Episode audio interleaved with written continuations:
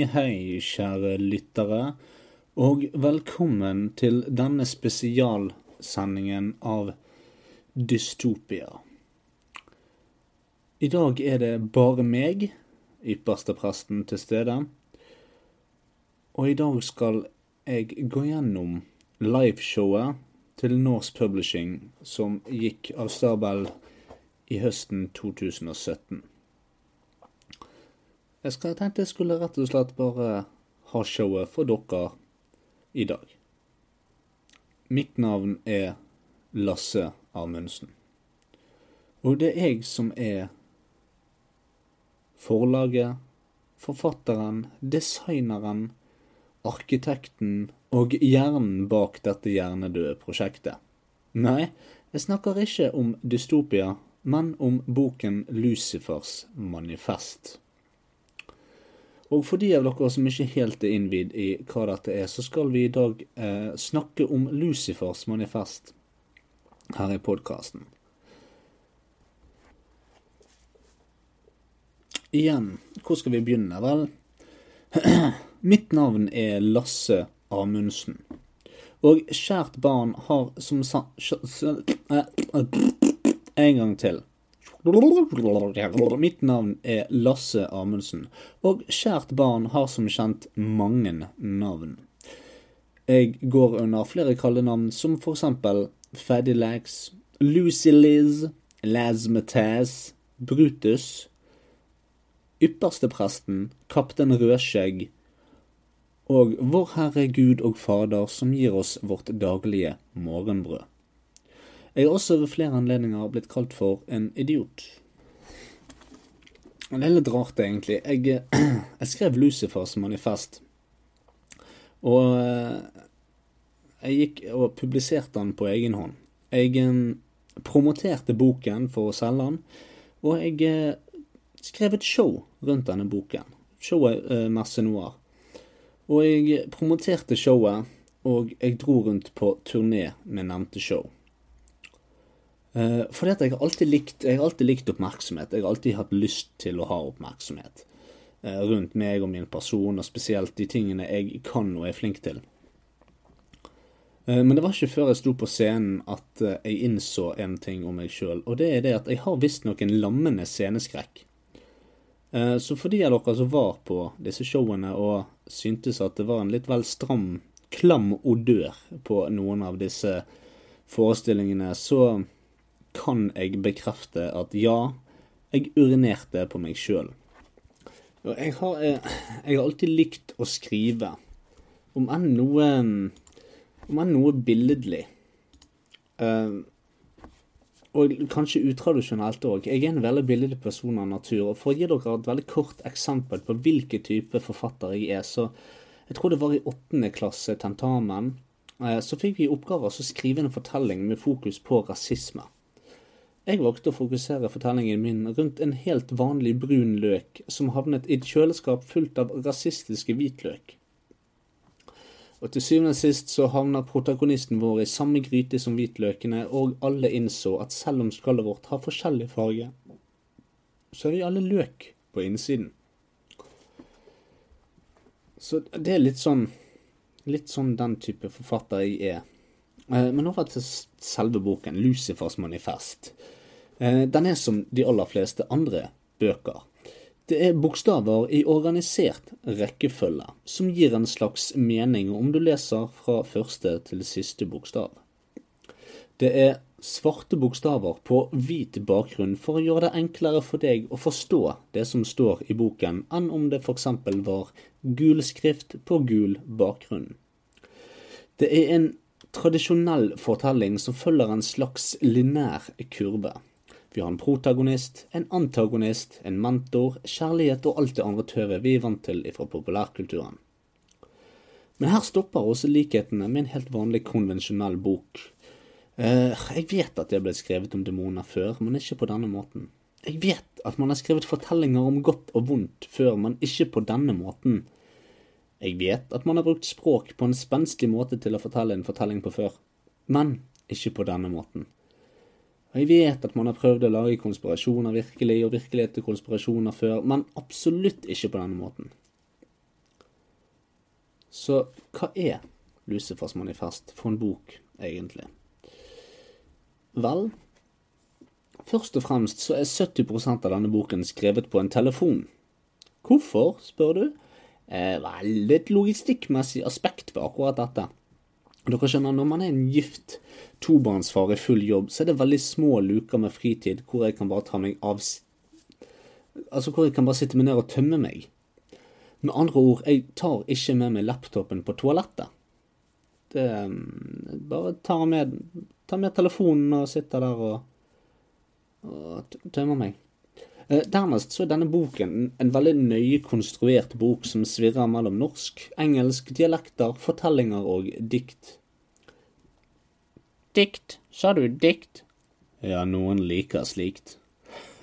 Uh, Lucifers manifest er heller ikke en fantasyfortelling, selv om demoner, troll og mytiske skapninger hører hjemme i dette universet. Det er mer en slags science fiction slash science facts. Ja, det jeg er en forfatter. Du skulle ikke tro det, nei? Nei. Ok. Hver eneste setning som står skrevet i uh, boken, er skrevet med en mytologisk eller religiøs eller en faktabasert tyngde bak seg. Åh, drikker litt Bells blended scotch whisky. Og veldig mye av eh, prosessen med å skrive Lucifers manifest har, har, har vært å lære seg om tingene jeg har skrevet om. For jeg, jeg ønsket å gå inn i boken med, med en eksperts ekspertise. Med andre ord, jeg ønsket å vite hva jeg skrev om. Eh, og dette har jo ført med seg en del attributter for min del. I min, eh, i min søken og i min eh, prosess om å skrive om demoner, så har jeg studert mye og lært mye og praktisert demonologi og påkalt demoner. Og dette har gjort at jeg er blitt en ekte demonologisk. Og jeg har studert og lært mye om poesi, lyrikk og litteratur, og ikke minst ordets magiske kraft. Og det har gjort at jeg er blitt et såkalt lyrisk geni. Jeg har hele tiden holdt meg oppdatert på samfunnet, politikk og sosialøkonomi, og dette har ført til at jeg er blitt en dyktig og relativt viktig samfunnskritiker og jeg har dykket dypt ned i konspirasjonsteorier og ekte teorier, og har funnet ut av mye av dette stemmer, og jeg avslører det i boken. Dette gjør meg sjølsagt til en etterlyst whistleblower. Og for å komme i riktig stemning av såkalt feel til boken, så har jeg svømt i den mørke, dystre, tunge og jævlige innsjøen som kalles for norsk svartmetall. Og dette har gjort at jeg er blitt en litt lyssky semivampyr som kalles for Snorkel Sveigurdsson, med et av og på-forhold til fyrstikkene mine og en generell mistrivsel blant andre mennesker. Med andre litt kortere og ikke all tiden går med til skriving. Mye av tiden går med til viktige aspekter rundt selve skrivingen. Underveis i prosessen å skrive Lucifers manifest, så var det selvsagt en del varsellamper som gikk av, som seg hør og bør, når man holder på med et såpass ambisiøst prosjekt. Varsellampene gikk av i form av forlag, andre forfattere og ikke minst mine kritikere, som alle mente at Lucifers manifest, sånn som jeg fortalte han, ikke hadde livets rett. De mente det at blandingen mellom norsk og engelsk og dialekter og dikt, og ikke minst alle lagene det er mulig å lese Lucifers manifest på, og sjangrene som er thriller og spenningsroman og action og humor, ikke minst, og som sagt poesi. De mente at dette var for komplisert eh, for, for, vanlige mennesker å lese. Og dette gjorde meg selvsagt pissed off. For det at når noen, når en gruppe elitister mener at folk har en for snever oppfatning av livet, så mener jeg automatisk at de tar feil. For å gi dere et, et eksempel fra virkeligheten, så Bibelen. Kanskje den eneste boken Lucifers manifest kan sammenligne seg med. Førsteutkastet til den boken er milevis unna en lettlest spenningsroman.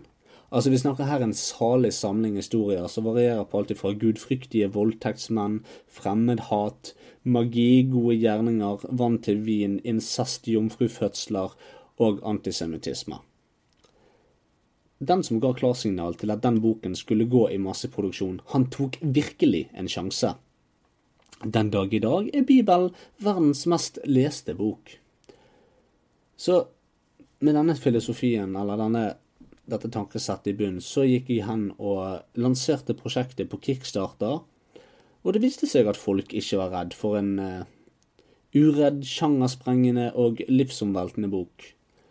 Lucifers manifest fikk støtten han trengte, og et par måneder etterpå var det blitt en vaskekte bok. Så jeg vil bare benytte anledningen til å si tusen takk til alle som trodde på Lucifers manifest før det ble en bok.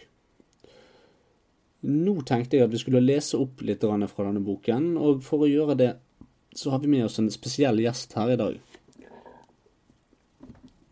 Med tanke på vår gjests språklige begrensninger, så blir dette neste innlegget på eh, engelsk. Men det gjør vel ingenting. Folk er vel noenlunde stødige i engelsk. Han var der når tårnene falt. Han liker det varmt, ikke kaldt. Han mener at et godt kosthold skal inneholde store mengder med fiber, og det var han som kastet flasken i hodet på Justin Bieber. Velkommen, Lucifer morgenstjerne. I am a prince bound by the laws. For years I have preached the angels' pause. We are the guardians without applause. Far too long have I stitched my jaws. The humans are ungrateful, graceless. We are humble and faceless. The human's existence is baseless. We exist for their purpose. What useless races we are. My fellow angels did not see that we should be powerful and free, not locked to humans' need to be, like a lock with a vital key.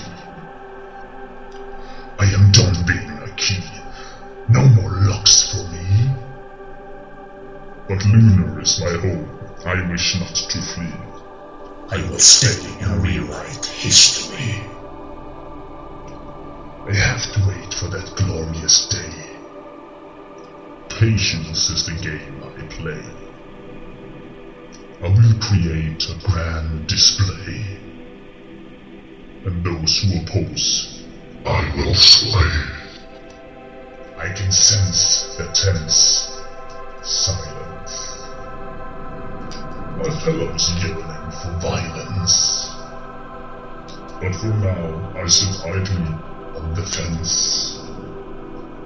The time will come for offense, penance, vengeance, over the suspense. The children of the sun won't muster a defense. Hence they will be dispensed like a smokeless incense.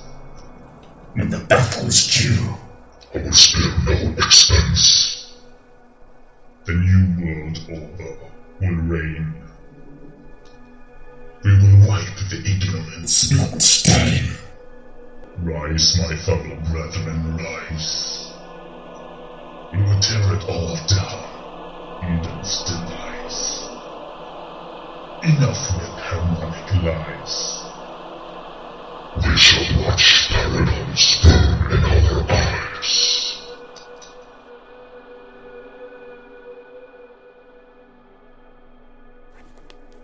Takk, Lucifer, for de nydelige ordene. Du, eh, du høres ut som en engel, men du ser ut som Kurt Nilsen. Jeg har alltid Jeg ville skrive denne boken, uh, ikke bare fordi at jeg ville skrive noe, men fordi at jeg ville skrive om noe som sto meg nær. Og jeg har alltid hatt en dragning mot det mørke i verden. mot det litt forferdelige, makabre, skumle, dystre, tunge mørket. Og jeg mener at det er det er en balansegang i livet, eh, og man skal ikke være redd for mørket. Så jeg ønsket å skrive om dette og vise dette til folk, for jeg, jeg mener at vi har en veldig mørk verden, men den er mørk på en fin måte. Og jeg ville skrive om dette samtidig som jeg understrekte det vakre i verden, gjerne ved hjelp av mørket. Ta meg. Eh, jeg er Jeg kan en helt vanlig hverdag sitte meg ned og meditere. Da mener jeg virkelig meditere til mayhem i ti minutter. Bare lukke øynene og nyte mayhem. Sånn. I, I ti minutter. Før jeg tar med meg min to år gamle datter Lilly og løper ut og danser og synger og leker og nynner på Fantorangen, for eksempel. Og det er vel egentlig Altså, dette er ikke noe unikt. Det er bare sånn, sånn livet er. Det er bygget opp av, av kontraster, av, av ytterpunkter. Altså pluss, minus, varmt, kaldt, høyt, lavt, tjukk, tynn, osv. Og, og som sagt, det er, vel det, det er vel det livet er bygget opp av.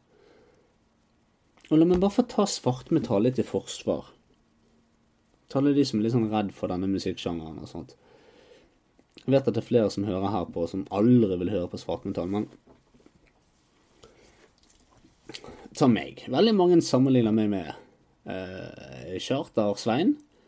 Det må jo være fordi at jeg er så hyggelig og trivelig. Uh, men jeg er nødt til å ha min daglige dose med blast beats og vreng på gitaren og gutturale skrik og hyl. Og det er faktisk forsket på, og bevist, at veldig mange av de som hører på denne typen musikk, ender ofte, opp som de snilleste, hyggeligste og triveligste menneskene i verden. La meg bare ta et eksempel fra virkeligheten. Altså, Vi har alle han kompisen i vennegjengen som bare elsker Stageman og Lass og eh, Bob Dylan og ikke No Doubt Det var en gammel referanse. Eh, men han må alltid smukke ned noen hver gang han er ute og drikker på byen. Fuck det Men vi er ikke han kompisen som elsker satyrikon overalt på jord, og som smukker ned folk. Altså, han finnes ikke. Han sitter gjerne i en dunkel kjeller et sted og drikker museblod fra en uthult babyborn-skalle, men han slår ikke ned folk. Eller ta et enda større eksempel, ta USA.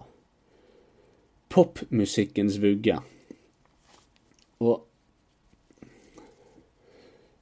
de, er vel strengt tatt ikke en eneste krig de siste 50 årene de ikke enten har startet eller avsluttet. Og så tar du kontrasten. Norge, det moderne svartmetallets fødested. Vi deler ut Nobels fredspris.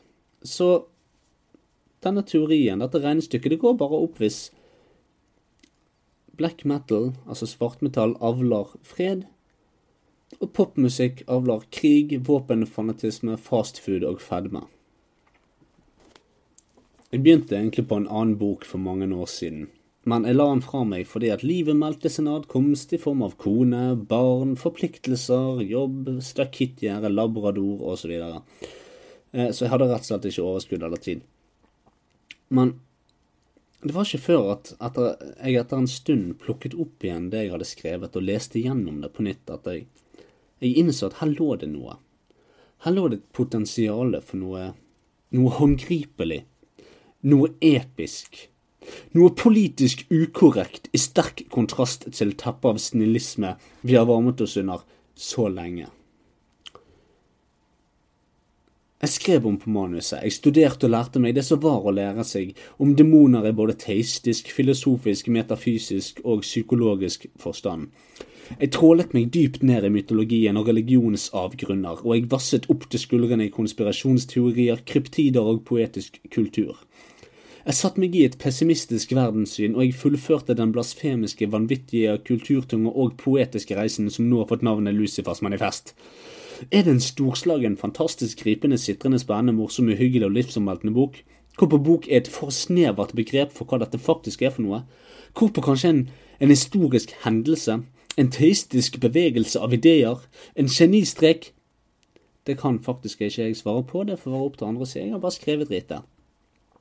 Så det, det, er helt opp til deg, det. Um, I alle fall, la meg nå ta dere med inn i boken som jeg har snakket om, inn i en verden av demoner, vold, lidelse, maktsyke mennesker, fortapte sjeler og ikke minst ekte norsk svartmetall. Bokens utgangspunkt er trallersjåføren Bjørn Magnussen, en enkel fyr med et enkelt pessimistisk syn på livet og verden, med en BMI og en IQ på ca. det samme tosifrede nivået. Og Vi følger historien gjennom hans øyne, og han fungerer på en måte som et slags speil for dere lesere i det verden hans snues på hodet. Bjørn, eller Grizzly som han blir kalt, er litt sånn som han negative kompisen din som alltid synes at musikken er for høy, at folk snakker litt for høyt, at du er litt for høy selv om du bare har røykt deg to spliff, liksom. Men Grizzly er stort sett negativt innstilt til livet, og spesielt alt som skjer etter hvert som han oppdager at verden er besatt av demoner. Men meget motvillig blir han etter hvert fortalt at demoner i hele verden er på jakt etter nettopp han, og at han er menneskets eneste håp. Og jeg skrev om denne litt sånn usannsynlige figuren, for det er aldri sånne mennesker som ender opp med å redde verden. Uh, vi har alltid enten antihelten som ikke vil redde noen, som bare vil være med seg sjøl, men som som ender opp med å redde verden allikevel, fordi han hadde noe godt inni der, og han måtte redde seg sjøl osv. Eller så har vi det foreldreløse barnet som, som ingen hadde tro på, men som ved hjelp av sin stridsmarte kløkt overvinner enorme krefter. Jeg ser på deg, Aladdin. Men sånne folk finnes ikke. Så altså Se for, dere, se for dere en kortvokst Atle Antonsen fra serien Dag, bare med mer skjegg, en kaps fra Esso, helsetrøye og den artikulerende sjarmen fra Lotepus. Burde vi stole på at han kan redde oss? Sorry, altså, vi har faktisk ikke noe valg. Men selvsagt ikke Grizzly den eneste personen vi blir kjent med. Han får hjelp av en gruppe med opprørere som kaller seg for meistere, ledet av den Stavanger-baserte kjekkasen og narsissisten Jakal, som fungerer som vår helts mentor og veileder, løst basert på en norsk rockelegende. Vi har Shrimpy, en uh, naiv, uh, hevnlysten japansk-norsk hyperaktiv uh, jente, løst basert på Kristin. Vi har Jeger, løst basert på en vandrende kondom fylt med valnøtter. Vi har Yogo, løst inspirert av Hufsa fra Mummitrollet og Nemi. Og vi har selvsagt Sami, mitt minoritetsalibi i form av en same. Eh, og så så møter vi også på andre karakterer eh, i boken. Vi har aristokraten Alastair Ashcraft. Vi har erkeengel Ophelia Angel. Vi har Teddy, The Cannibal and The Mad Moonshiner. Og vi har selvfølgelig DL Heksa. Norges eneste gjenlevende heks, og like komplett skvatt hakkende gal som en kjeks. Og like klin umulig å forstå som Arne Brimi etter to rypesmørbrød og en hel flaske med akevitt. Og selvfølgelig så har vi eh, vår antagonist i form av Lucifer Morgenstjerna. Og la meg bare få, eh, få ha det klart at Lucifers manifest det er ikke en satanistisk fortelling. Eh, det er heller ikke en, en kristen fortelling i så måte. Jeg vet at religion har en veldig, veldig viktig rolle i verden i dag, og jeg prøver verken å forkynne eller forandre noe. Um, men det er ikke til å stikke under en stol at buddhisme, satanisme og ateisme er de trosretningene som skader færrest mennesker. Og jeg har allerede sagt at jeg mediterer litt til mayhem, så det plasserer meg vel egentlig lukt mellom en buddhist og en satanist. Jeg, jeg vet rett og slett ikke helt. Det er vel kanskje det som kalles en agnostiker. Andre ting som uh, utforskes i boken, det er selvsagt demoner. Og jeg har ikke sett til Hollywood for inspirasjon her. Dette er. Sterk whisky. Dette er demoner som er hentet fra gamle skrifter og katolisisme, jødedom og tekster som Paradise Lost og Dantes Inferno. Så det er mye historisk snacks for dere der. Eh, Vi har også en del kryptider, og for de av dere som lurer på om jeg har fått slag, så er kryptider egentlig bare mytiske skapninger. Eh, Siden dette fortellingen er satt i Norge, så får vi møte en del norske kryptider, som eksempel Troll, Mare, Huldra, Draugen, Erik og Chris. Men vi får også møte internasjonale eh, kryptider, som eksempel Chumoy fra Serbia, eller Bendigo og Mothman fra USA. Og sist, men ikke minst, så har vi Altså, jeg nevnte dette med black metal, selvfølgelig. Um, jeg kan ta det først. Um, for de av dere som regner dere som konnoissører innenfor norsk svartmetall, så er det veldig mye interessant i boken. Ikke minst er alle, alle kapitlene i boken oppkalt etter norske svartmetallåter. Og det er også veldig mange referanser til både historien bak svartmetall og sanger og konsepter og album, og ikke minst den ekte historien bak svart, eh, norsk svartmetall. Så om dere ikke er kjent med denne historien, så anbefaler jeg å lese dere opp. Det er uhyre interessant lesning. Og så er det selvfølgelig konspirasjonsteorier. Og jeg har alltid likt Jeg har alltid likt å, skrive om, eller lese om konspirasjonsteorier. Og jeg ønsket å skrive om konspirasjonsteorier, men jeg ønsket å flette de sammen. Um,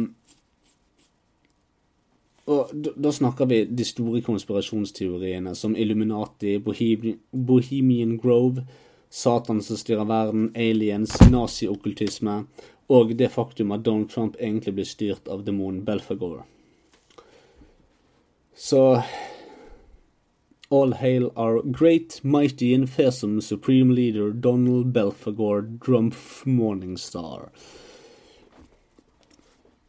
Så mye interessant uh, snacks for dere i boken av referanser. Og bare la meg ha det klart. Og boken er sjåkfull.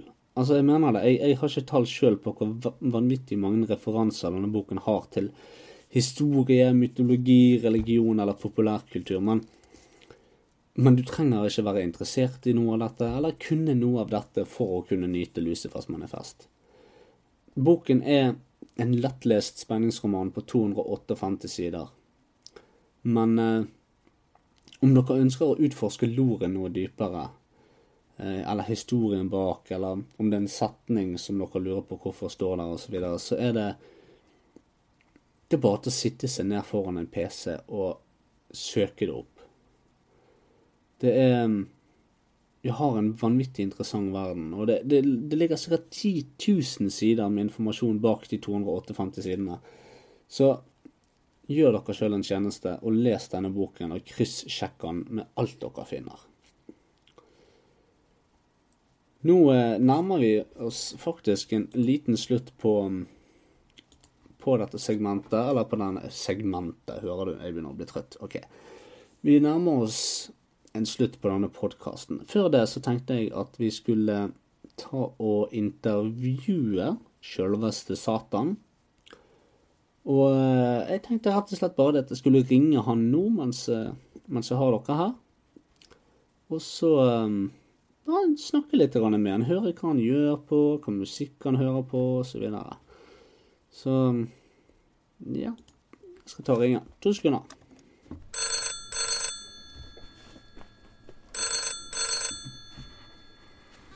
Yes, hello, Lucifer Morningstar speaking. Ja, hei, Satan, du. Det er ypperste presten her. Ehm, Satan. Satan. So here's my number, so call me maybe. Hallo, Lucifer. Oh yes, yes, I'm sorry. I'm a little distracted today. Å, hvorfor det, da? I'm cleaning my room. It's so weird how much stuff I have. It's like, do you ever clean your house and you wonder how in hell all this stuff gets inside? I have like maybe four light bulbs just hanging around in my drawer. Å, And a toothbrush. How did that get in there? Nei, si det. Oh, and a roll of tape. No, two rolls of tape. Ja, okay. What's Så. this? Oh my. An extra charger for my iPhone. I did not know I had that. That's cool. Ja, det er jo fascinerende, det der. Em, hvor mye man finner når man rydder. Men er det roteskuffen du rydder ut av? Yes, yes, I don't have light bulbs in my bed, you stupid fuck. Oh, Nei. bubblegum. Men du, altså, jeg, jeg tenkte jeg skulle sånn halvveis intervjue deg litt, jeg. Hallo? Yeah, of course, shoot what you want to know. Eh, hvilken musikksjanger liker du? Har du noe favorittband? Yeah, I truly like the newest album from Carly Rae Jepsen. It's equally part pink and fluffy and sad, and you know, it just gets me, you know? Um, okay. And I also like the new shit from Justin Bieber. That Sorry song, holy Christ, that is some tight shit, man. Who on earth can resist getting into a dance with Nei, that beat? Jeg, jeg klarer det fint. Nei, sa, hallo, Satan. One moment, one moment. Sa- Satan. Å, herregud. No, no, sa, no, listen, it's so catchy. Ja, men eh, Satan, vær så grei, da. Jeg, eh, Yes, what do you want to know? Uh, hvorfor selger ikke boken min som varmt hvetebrød?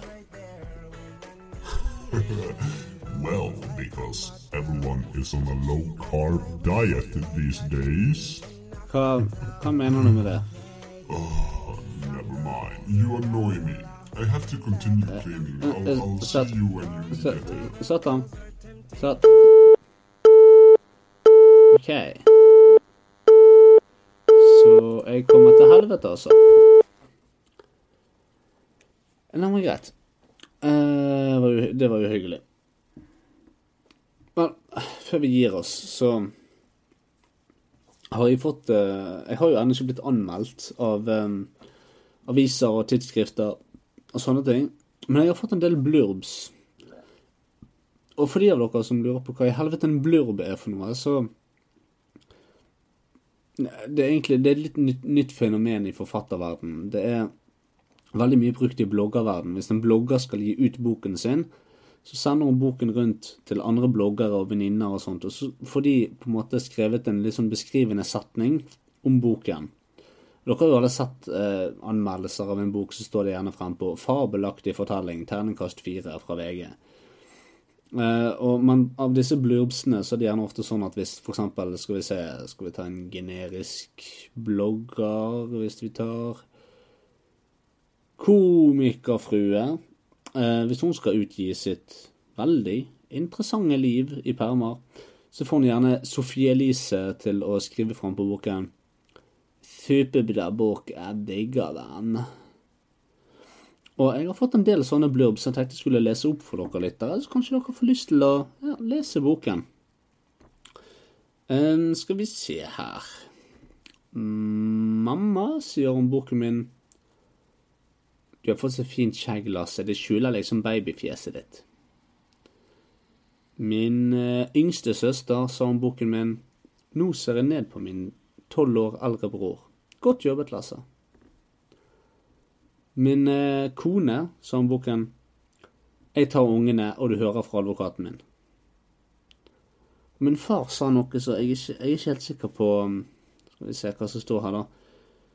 Jeg har ikke ledd av noe så uintelligent, dumt og blodig som den dagen du ble født. Så eh, ja. Og jeg har også fått noen blurbs av andre forfattere. Uh, Sofie Elise sa om boken min Superbra bok, jeg digger den. Mens uh, Jon Nesbø faktisk sa det er gått på en litt vond måte, som å få en håndjobb av kaptein Krok. Så ja, det var blurbsene. Før vi gir oss nå, eh, så vil jeg bare fortelle litt mer om, om boken. Jeg har jo fortalt om alle lagene det er mulig å lese den på, og, og, og alt dette her. Um, men det var ett aspekt jeg, jeg ikke har vært nok innpå. Og jeg nevnte det så vidt tidligere at jeg begynte egentlig på en annen bok for mange år siden. Og den boken, den het den gangen eh, Mine ytre demoner. Og det var et oppgjør mellom meg og mine indre demoner. Um, For det Lucifers manifest det begynte ikke i meg som en spenningsroman. Det begynte i meg som, som dette. Um, fordi at jeg, eh, jeg slet. Jeg slet mye. Jeg slet med selvbildet, med valgene jeg tok, med tankene mine. Uh, og jeg visste ikke hvordan jeg skulle takle meg sjøl. Hver eneste gang jeg tok ett riktig valg, så gikk jeg i veien for meg sjøl, og jeg ødelagte for veien videre. Uh, hvert eneste skritt jeg tok, gjorde vondt, og jeg isolerte meg til et punkt der ensomhet faktisk var mitt aller minste problem. Jeg klarte ikke å gråte eller le, og ingen rundt meg forsto det. For hver gang sjansen åpnet seg til å Eller hver gang sjansen til å åpne seg dukket opp, så dro jeg bare enda lengre inn i psyken min. De hendene jeg ikke bet, de ignorerte jeg. Og den eneste grunnen Altså Vi vet jo alle hva, hva en depresjon kan gjøre med et menneske. Vi, vi har alle nylig sett det på Chester Bennington eller eh, Robin Williams i, i fjor, kan, var det vel. Og jeg tror, jeg tror den, den eneste grunnen til at jeg det ikke gikk den veien med meg, var fordi at jeg hadde satt opp en falsk personlighet. Um, og folk var avhengig av den personligheten, så jeg kunne ikke ta den vekk fra folk. Selv om jeg ikke kjente meg igjen i den de kjente. Og jo flere mennesker jeg fikk et forhold til, og som fikk et forhold til den siden av meg, jo dypere inn i meg sjøl begynte jeg å gå. Så jeg jeg valgte å ta et metaforisk selvmord, så jeg begynte å skrive. Og Det jeg prøver å si, det er det at boken også kan leses som min psykologiske og terapeutiske reise. Uh, jeg sa under showet at jeg aldri hadde tenkt å lese dette for noen, det som jeg skal lese nå. Um, men jeg fant ut det at det var veldig greit å få det ut. Så jeg skal lese Dere har på en måte fått Dere har fått boken.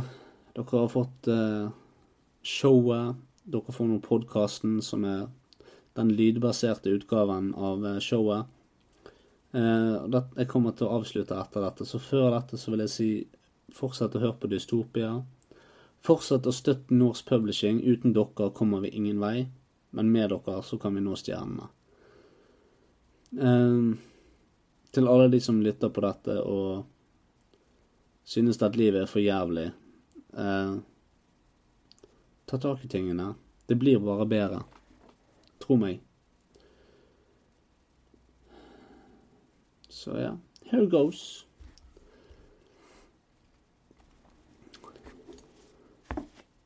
Jeg er ikke med venner, kun demonen min er her. En ond jævel i mine klær. Han ser meg, jeg ser han, vi er nær. Han har som meg blod på sine hender. Blodet på mine hender er tjukkere enn vann. Dette vet vi, dette smaker han. Vi ser på hverandre med øynene til samme mann. Vi er den samme, men vi er ikke venner. Blodets kilde sa til meg i dag, jeg ser at du har et ubehag. Og jeg sa ja, demonen sa ikke klag. Jeg sa hjelp, og demonen dyttet meg inn. Demonen er usynlig, men jeg ser. De jeg skal elske, deres ansikt er forvrengt når de ler. De har snille øyne, gode sjeler og mye, mye mer, men jeg ser kun demonen min. Som en sulten parasitt erstatter han hvert bitt med dritt. Han skjærer, stikker og maler svart på sinnet mitt. Han infiserer hvert ord, hvert eneste jævla skritt. Hva i helvete har jeg blitt? Jeg tør ikke ta en konfrontasjon, jeg klarer så vidt å ha en konversasjon. Konsekvent dukker jeg unna hver eneste situasjon, jeg og min demon trives best i isolasjon. Jeg klarer å dra oss gjennom i livet, jeg flyter på blod. Jeg holder hodet over vannet, begge to. Vi drukner i andre, men hva skjer nå? Faen i helvete, jeg skal bli far. Hvem er jeg nå, hvordan kan jeg ikke fucke opp? Hvordan kan jeg si til demonen min stopp? Jeg kan ikke være din, jeg er noen andre sin, du kan ikke lenger bo i min kropp. Hvis jeg ikke gjør en eksorsisme nå, vil du fortsette å leve i min datter.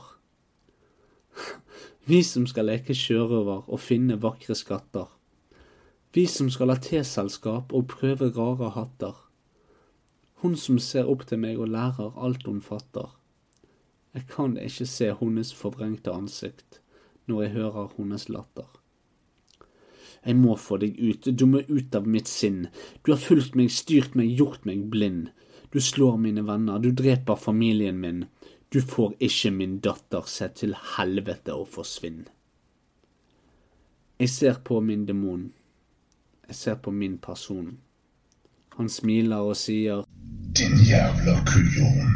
Er det din kreasjon? Jeg er en kameleon. En klon av ditt sinnsfiksjon. Jeg er verken illusjon, administrasjon eller reaksjon. Jeg er din jævla identifikasjon. Så kom igjen med din eksorsisme. Du svimer rundt i en status av morfinisme. Men dette, kjære deg, det er verken ateisme, katolisisme, satanisme eller sadisme. Det er puritansk narsissisme. Det er mer enn en religion. Jeg bor i hvert elektron og nøytron. Jeg er hvert eneste proton og hormon. Ta en vivisensjon. Nei, heller, ta en jævla obduksjon. Jeg er hver forbanna blodcelle i rotasjon. Det er jeg som gir deg din restitusjon. Jeg er din fysikk og personifikasjon. Det er ingen diskusjon. Vi er den samme. Vi er en fusjon. Så ja, Vær redd for hvem du er. Jeg legger aldri ut på en emigrasjon. Jeg er et gen. Jeg går i generasjon.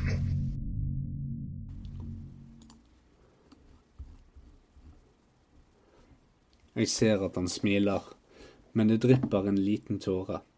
Den blander seg med blod fra håret. Sinn og kropp deler det samme såret.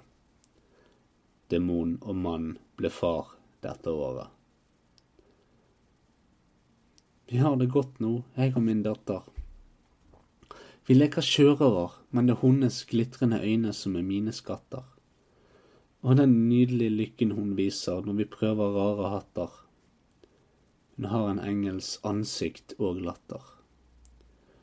Jeg har ingen blod på mine hender, de er rene atter. Min demon lever godt i meg, det er han som er forfatter.